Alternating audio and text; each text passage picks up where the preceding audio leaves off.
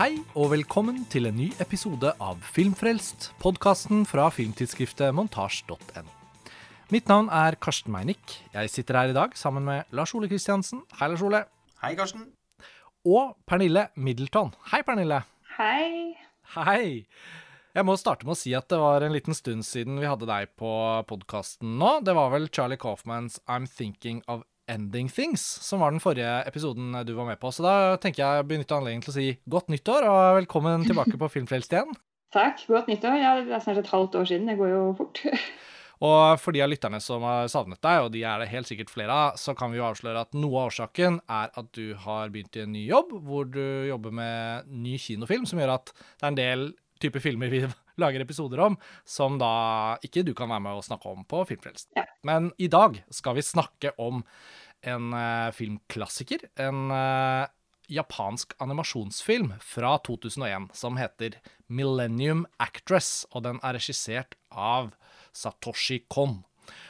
Og Satoshi Kon er en animasjonsregissør med fire spillefilmer i filmografien sin. Han gikk dessverre bort altfor uh, ung uh, av kreft, men rakk å lage Perfect Blue fra 1997, Millennium Actress da, fra 2001, Tokyo Godfathers fra 2003 og Paprika fra 2006. Og i anledning at de digitale cinematekene i Norge nå skal vise Millennium Actress, i hvert fall der hvor kinosalene fortsatt holder åpent, så føler vi jo at anledningen er veldig god til å hente opp filmen og, og snakke om den her på Filmfrelst. Lars Ole, Millennium Actress det er jo en film som også handler om film, i tillegg til å være en animasjonsfilm med det såkalt japanske anime-uttrykket.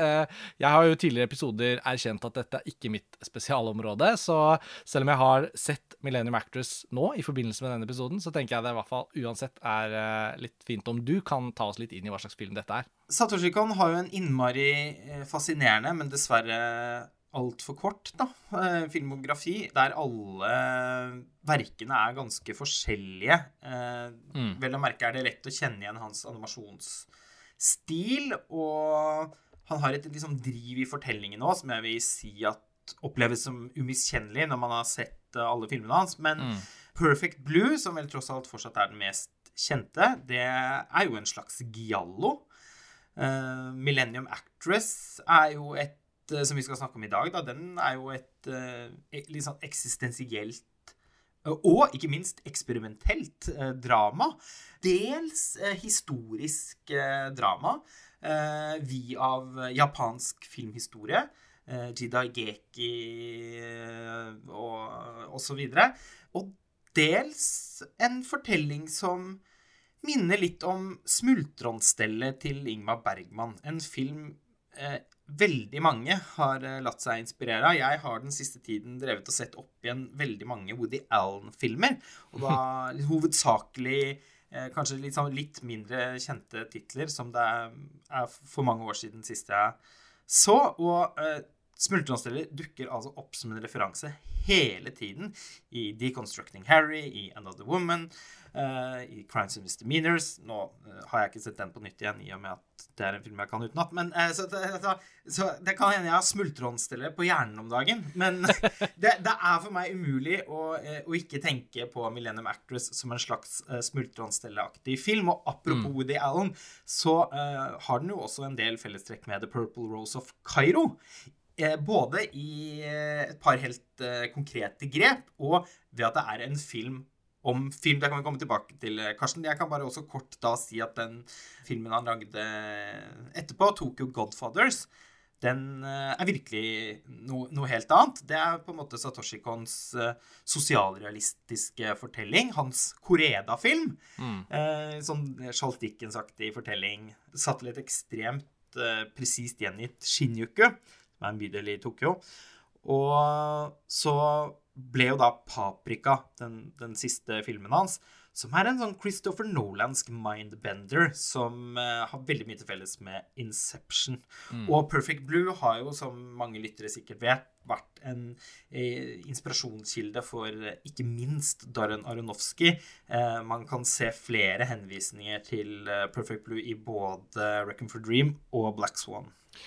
Nå ble jo dette også en veldig fin, synes jeg, kort og fin introduksjon til Satoshi Kon, og en ting filmografien i hvert fall er, er jo at dens eh, litt sånn kortfattede innholdsmengde gjør det ikke så komplisert å oppsummere. Men uh, han er jo, uh, Pernille, en film som Millennium Actors, da, det, når man har sett den, så føler jeg liksom også at Satoshi Kon, for de av oss som ikke er så inni han, fremstår også som en filmskaper som graver sånne lag på lag på lag med ideer og forskjellige motiver i filmene sine, som gjør også at når de først går såpass fort unna som de gjør, da, de er ganske korte filmer, uh, uh, i hvert fall de to jeg har sett, da, Perfect Blue og Millennium Actress, og likevel når man tenker på det i etterkant, så er det sånn Oi, det var jo veldig fort Altså, husker du Du sendte meg jo et lite bilde, Pernille, fra filmen for å peke på at kanskje det var en referanse i Gaspar Noés uh, Climax, uh, og det kan jo godt hende der. Helt sikkert. altså Han er jo kjempeopptatt av japansk animasjonsfilm, så det vil jeg tro at det ikke er tilfeldig. Mm. Men da, da, da ble jeg også påminnet om hvor mye Altså hvor mange bilder, egentlig, og motiver av hvor fort unna det egentlig går, og at hver eneste scene eh, Nå skal vi jo snakke konkret om Millennium Actress, da, men f.eks. i Perfect Blue, hvor det er et ganske komplisert premiss. Eh, der går også klippingen og overgangene mellom scenene går veldig sånn fort for seg. Ofte litt sånn elliptisk rett inn i noe annet, og man må liksom finne ut av det. Så det er dypt fascinerende, syns jeg. Og det frister jo selvfølgelig nå å bare plukke de to neste filmene og, og ha sett alle Satoshi Kon-titlene. For både du og jeg, Pernille, hadde jo da ikke sett Millennium Actress fra før av, men vi har sett den Nei. nå. Den, I tillegg til at den skal ut på de digitale cinematekene, så er den jo da nylig da sluppet på Blu-ray og 4K og sånn i Storbritannia. Så nå er det liksom tid for at et nytt publikum skal oppdage denne filmen. Og vi to har jo begge gjort det nå denne uka, så hva, hva kan vi si? Vi kan jo samarbeide litt her. Hva handler denne filmen om? Altså, Rammefortellingen er jo forholdsvis ganske enkel. da. Det handler om et uh, filmstudio som skal legges ned i Japan. Jeg husker ikke helt hva det heter eller hvor det ligger. Men i kjølvannet av det så er det en dokumentarfilmskaper som heter uh, Genia, heter han vel. Han bestemmer seg for å lage en dokumentarfilm om altså, divaen fra dette studioets storhetstid. Mm. Hovedrollen, altså The Millennium Actress, som heter Chiyoko, som nå er en eh, 70-åring, eller ja, i 70-årene, eh, og har trukket seg tilbake fra rampelyset for eh, i hvert fall 30 år siden. Da. Hun trakk seg vel eh, i sin heyday. Mm. Eh, og han drar da eh, til hennes sånn tilbaketrukne palass og har fått godkjenning på intervjuet henne og snakke med henne, og hun tar han godt imot.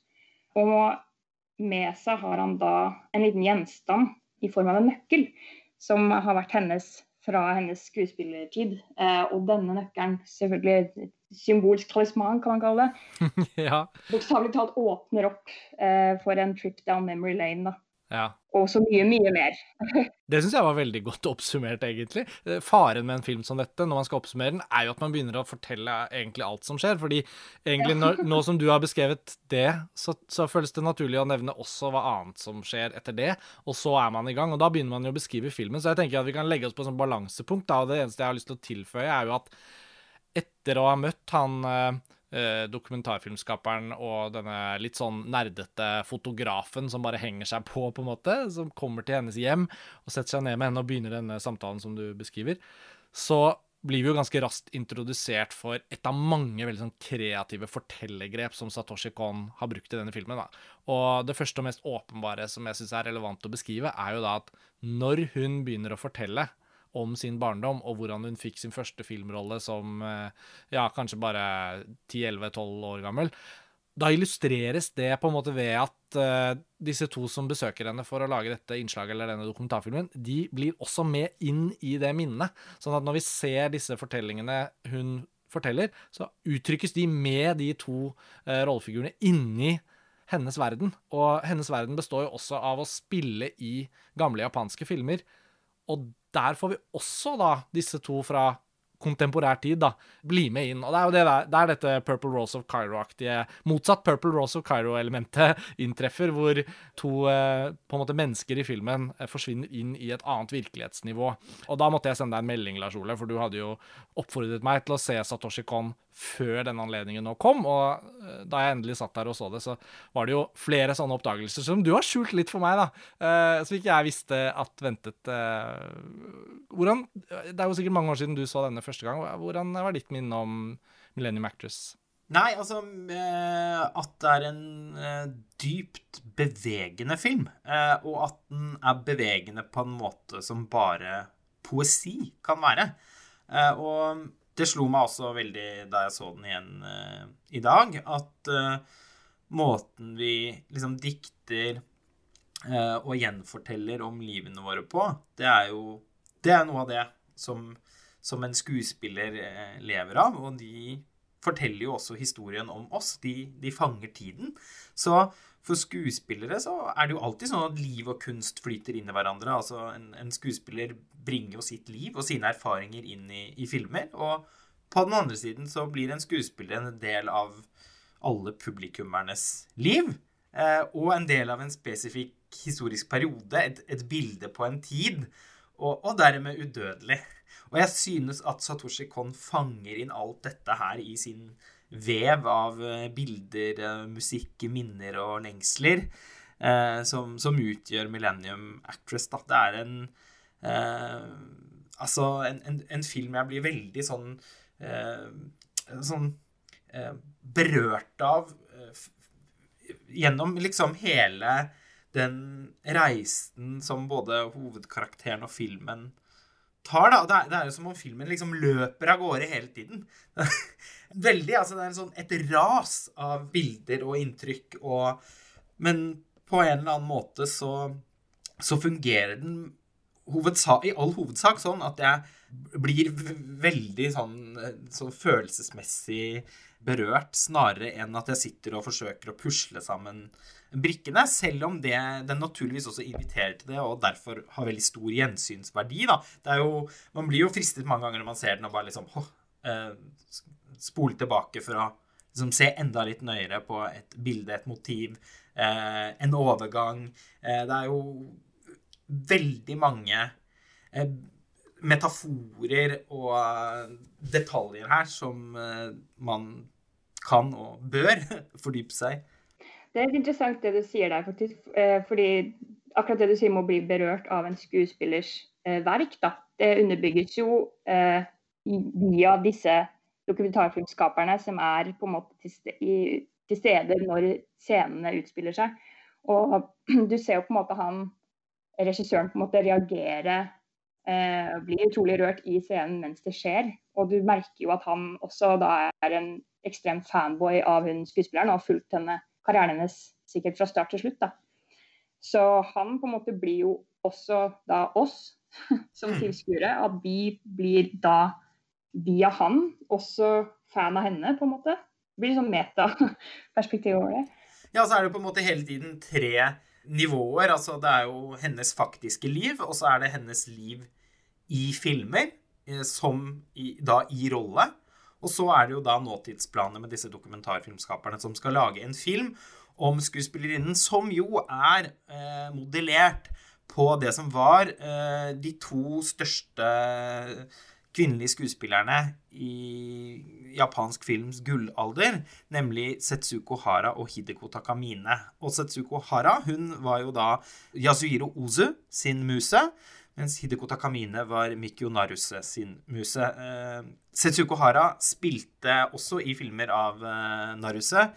Ikke minst eh, en av de aller beste filmene hans, som heter 'Sound of the Mountain', som på en måte er hans, litt sånn hans ekvivalent til Tokyo Story i alle fall er hennes uh, har, uh, Rolletolkningen til Setsuko Hara i, i, den filmen en del til felles med den hun gjør i Tokyo Story. Men uh, i likhet da med Shuko i, i Millennium Actress, så, så trakk Setsuko Hara seg tilbake forbløffende tidlig. Etter at Osu døde, så ønsket hun ikke lenger å, å spille i filmer. og viste seg på en måte aldri offentlig igjen. Altså hun flyttet til en liten by utenfor Tokyo som heter Kamakura, som jeg har besøkt tre ganger. Der uh, utenfor den byen, i, forstad, i en forstad som heter Kita Kamakura, så ligger også Osus grav. Og han, flere av hans filmer også foregår i Kita Kamakura, Kamakura, og han tilbrakte også mange av de siste årene av sitt liv uh, der. Eh, så det er mye filmhistorie per kvadratmeter i den lille havnebyen. Det er for øvrig også der 'Søstre til Koreda' eh, foregår og er eh, innspilt. Det du forteller om nå, Lars Ole, er jo en veldig rørende greie i seg selv. da, At Satoshi Kon i sin film forsøker på en måte også å portrettere det han sikkert har sett på som noen av de sterkeste skuespillerne i, i de gamle japanske filmene han har vært opptatt av også. Og jeg bare registrerte denne informasjonen på Wikipedia i litt research, og noterte meg at uh, Setsuko Hara trakk seg jo tilbake så tidlig som i 1963, men gikk ikke bort før i 2015. 95 år gammel. Nei, altså hun levde lenge et tilbaketrukket liv i, i Kamakura. Og som er litt sånn eh, myteomspunnet. Da hun jo, ble jo et eh, enigma, på en måte. Hva var årsaken til at hun ikke ønsket å spille mer i film? Mm. Eh, hvorfor ønsket hun i så liten grad å, å, å vise seg eh, fram? Og hun giftet seg jo heller aldri. Mm. Eh, mange Man får veldig lyst til å lese en innmari god engelskspråklig merke, biografi om, om, hennes liv. Men altså, det, det, her med at hun var et sånt et, et, myster, et evig mysterium, det tenker jeg jo òg eh, er noe Satoshi kan ha brukt som som helt konkret da, som, ja. som inspirasjon i Millennium Actress, i og med at denne nøkkelen som eh, er så, så, så vesentlig, som vesentlig motiv i filmen, jo handler om å nettopp låse opp eh, dette lukkede skrinet av et eh, menneske. Mm. Det er jo en særdeles metaforisk nøkkel, får man si. ja, det, det, får man si. Mest av alt så åpner den jo eh, altså den åpner opp døren til eh, hovedpersonens minner, hennes livshistorie, og japansk historie, og da ikke minst filmhistorie. Og det er jo på en måte også da som om den nøkkelen åpner opp hele filmen. Ja, for Man skjønner jo veldig tidlig at det, det handler jo aldri om hva nødvendigvis den nøkkelen låser opp helt fysisk. Det blir jo som en slags McGuffin, kan man si. At uh, du skjønner at det, at det er uh, flere lag under her av symbolikk. Ja, fordi altså, i utgangspunktet, altså i historien om Eh, Shioko, som hun selv forteller til dokumentarfilmskaperne, så er det jo en, talisman, som du sa, Pernille, eh, som ender med å på en måte definere eh, livet hennes. Altså i jakten på mannen, denne kunstneren, eh, som ga henne nøkkelen under de årene der fascismen herja i Japan, på 1930-tallet, så blir hun jo ledet til å jobbe med film og et liv som skuespiller fordi at hun ønsker at han en dag vil kunne gjenforenes med henne ved at han ser henne på, på lerretet på en kino. Og så lever hun jo sitt liv med han som en eh, besettelse, men jeg tenker òg at det er vanskelig å at, at, det ikke på en måte eh, er ment å lese så konkret. Da snarere så føler jeg at, at, den nøkkelen og det å jage noe, sånn som hun gjør, finne tilbake til noe, til, no, til noe i seg selv, er trekk som vi nettopp forbinder med kunstner- og ja, skuespillermyten, da. Mm. Ja, for det sier hun jo faktisk selv også. Hun sier jo at eh, kanskje var det ikke han eh, som person, men eh, bare det Altså jakten på ham. Det var det som telte hele veien, da. Det å ha det drivet og liksom dras mot noe, men uten nødvendigvis vite helt hva det er. Skulle det være noen tvil her, så er jo dette en film som jeg tror vi alle tre er enige om at det er dypt fascinerende å se. Og jeg syns jo ikke den gjør seg så dårlig når man begynner å tenke på den, og ikke minst snakke om den også. Bare når vi sitter her, så tenker jeg at det er jo egentlig en film som inviterer til så mange veldig sånne åpne tolkninger, samtidig som den også er en veldig konkret eh, narrativ opplevelse. Og, og denne nøkkelen som vi beskriver nå, er jo også rent narrativt så er den jo også en utrolig fin måte å skape drivkraft på. Selv om man lager nesten en sånn essayistisk, poetisk film. Den har jo ingen sånne stilltiende, vage, assosiative øyeblikk som ikke blir til noe. Det er veldig sånn at alt konkretiseres. Men jeg elsker hvordan filmen presenterer denne veldig konkrete søkenen og kombinerer det med alle de motivene vi nå har snakket om. Da. Hun er skuespiller, hun bruker sin kunst for å forsøke å nå ham. Eh, han er maler, og i tillegg til de tre nivåene vi snakket om i stad, altså nåtidsnivået, hennes historie, og så fortellingene i filmene hun spiller i, så er det jo det fjerde nivået du kom så vidt inn på, Lars Ole, som er Japans historie. Altså disse store hendelsene. Og da kommer jo også betydningen av å lage en samuraifilm eller skildre føydaltiden inn.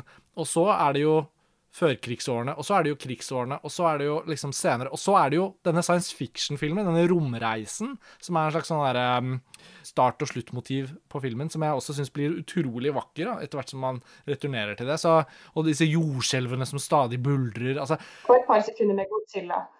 ja, fem sekunder Godzilla. Det er veldig søtt. Nei, så jeg må bare si at jeg syns det var en helt utrolig filmopplevelse, egentlig. da. Bare, Nå har vi jo ikke brukt så mye superlativer, egentlig. Vi har vel egentlig bare tatt lytterne inn i filmen. Men for de som har mulighet, da, hvis man bor i nærheten av et åpent cinematek, og det å se denne helt blankt på et stort lerret, må jo være ganske fantastisk. Det var sterkt for meg selv her på den lille skjermen.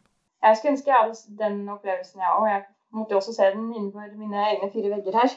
Og jeg kjenner at jeg er litt sånn irritert over at jeg nettopp så den første gang for bare sånn tre timer siden. Fordi jeg merker det nå bare etter å snakke med dere i sånn 25 minutter om filmen, at ah, her skulle jeg gjerne hatt flere gjensyn før jeg egentlig drøftet den skikkelig. Du skjønner? Det er en sånn film som skal kverne litt. Jeg kommer sikkert til å tenke på den i drømmene mine òg. For alt jeg vet. Jo, men jeg føler meg veldig trygg på at bare som, som, du sier, da, bare det å sitte og faktisk begynne å artikulere filmens kvaliteter og sånn, inviterer veldig til å gå tilbake og, og, og se på den om igjen. Og, og, så må jeg jo si også, Lars Ole, altså dette er jo også en glimrende igangsetter for de som er nysgjerrig på japansk filmhistorie. Bare, bare hvis man ikke da har sett Ozu og Naruse-filmene som disse to skuespillerinnene den ble inspirert av, bare det å kunne da kanskje prøve å oppsøke dem og, og se hvem, hvem, det handlet om egentlig. og sånn, Det er jo eh, en skikkelig sånn primer, kan man egentlig si. Ja, og bare Altså, den, den, gir ikke ved dørene, egentlig, sånn referansemessig. Man skulle jo tenke at det var nærliggende å uh, inkludere noen sånne pastisjer av Ozu og Naruso, for eksempel. Da. Uh, det, det, vil jeg ikke påstå at uh, finnes der, selv om vi har, får, får se scener fra japanske sjangerfilmer. Man kan ikke si den tar seg tid til sånne lange sekvenser med pillow shots og sånn. Nei. Det, har, det har ikke Satoshi Kon tid til.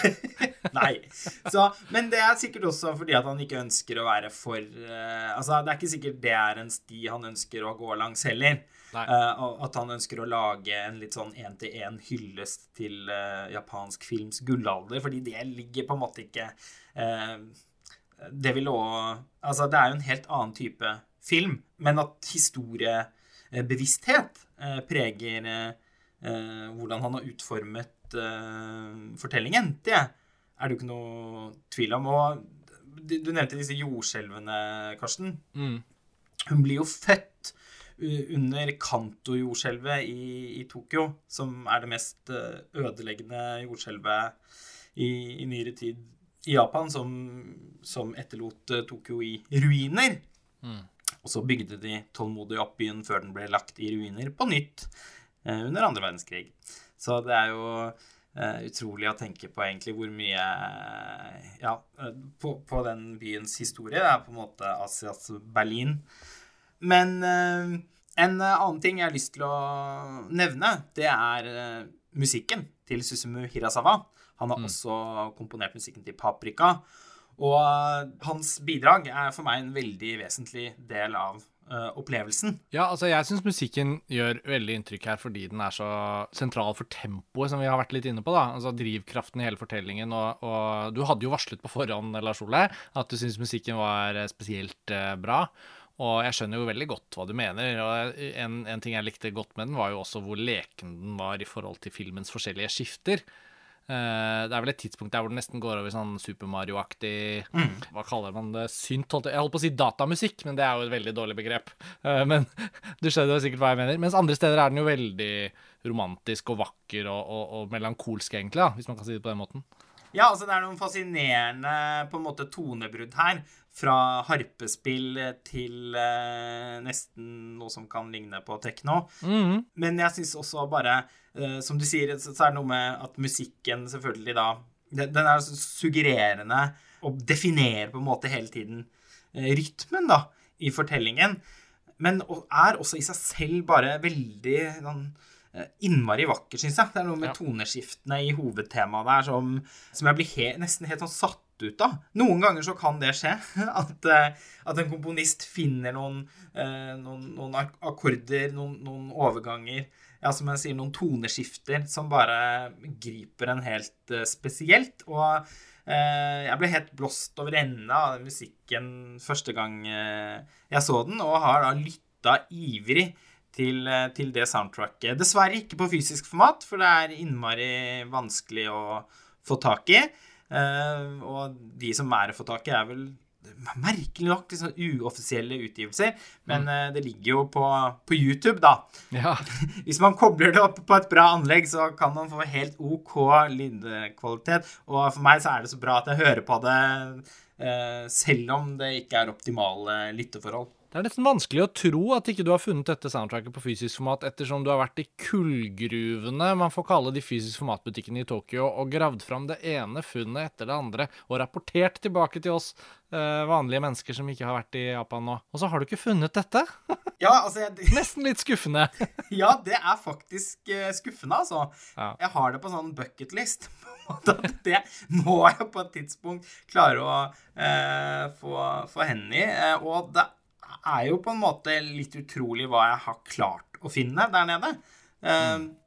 har man uh, litt tålmodighet, så kan ofte de utroligste ting skje. Og apropos japansk popkultur, eh, Lars Ole. Ikke fordi jeg mener å bryte av hvis du har noen gode anekdoter på lur, men, men jeg har jo litt følelsen av at Pernille og jeg må innom temaet som er på en måte japansk animasjon in general. da. Verken du eller jeg, Pernille, har vært særlig gode til å ta for oss av hele den eh, hva skal man si, subsjangeren innenfor animasjon. da. En ting er jo selvfølgelig Studio Ghibli og Miyazaki og de store, kjente barnefilmene, på sett og vis, men, men noe annet er f.eks. Satoshi Kon. da.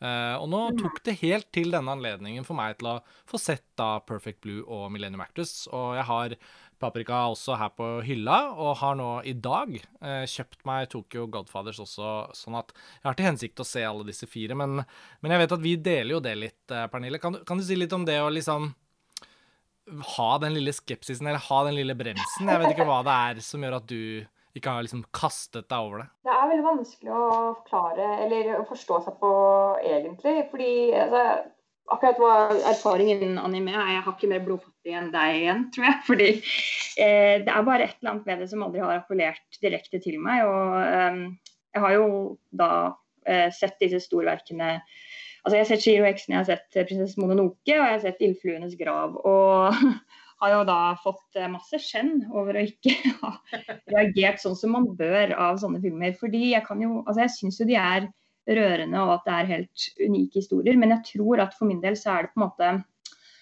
um, Det er ikke filmer som Altså Jeg ville kanskje blitt mer rørt av de samme historiene hadde de vært i live action, da, f.eks. For, eksempel. for det er bare et eller annet med Jeg har en distanse til japansk anime rett og slett, som jeg ikke helt vet hvorfor. Det er ikke det at jeg syns det, det, er nødvendigvis stygt, men det bare er ikke helt Det er smakssak, da. Kanskje det er så enkelt som det. Og så har jeg også hatt liksom med at jeg det, det, ofte ser liksom blast ut. Og det blir liksom uengasjert. Men det var ikke den her, da, må jeg bare si. Her var det jo eh, en fantastisk fargepalett. Alt fra altså, brennende kirsebærbusker til glitrende hav i alle mulige farger. Så det var, eh, det var fryd å se japansk anime med ordentlig sånn fargesplæsj. mm, ja, altså det, det, rare er, og jeg følger deg på mye av det du sier, men det rare er jo at hvis man tar for seg noen av de filmene som folk da anbefaler i det uendelige, og til slutt så sier man OK, greit, jeg skal se den filmen, da. Så er jo gjerne de som man får mest push på, og Lars Ole har jo jeg vil, jeg vil formulere det som at du har jo hjulpet meg over terskelen i flere av disse tilfellene, så er jo sannheten at de aller beste er jo liksom ekte mesterverk som på sett og vis transcenderer form. Altså at kanskje ville de aldri vært like gode uten animasjon, men på sett og vis så blir liksom uttrykket nesten litt irrelevant. da. Jeg tenker f.eks. på min nabo Totoro, da, som jeg nå eh, med barn i huset endte opp med å faktisk se liksom tosifret antall ganger. da. Og det slår meg jo mer og mer at det har ikke noe å si egentlig at den er animert. Jeg vet at det har alt å si, men det har også ingenting å si, fordi filmen blir liksom sin helt egen kunstopplevelse som bare har så mye å by på, da, gang på gang. Og eh, jeg, må, jeg, må, innrømme at det har vært skikkelig ålreit å få litt sånn ordentlig tak på japanske animasjonsfilmer som er liksom for voksne. Som er litt uh, drøyere, kan man si, eller har litt sånn tøffere tematikk, eller går litt hardere til verks, eller hva, hvordan man vil si det. Og en av de få jeg faktisk hadde et forhold til da jeg var liksom ungdomfilminteressert, det var Akira.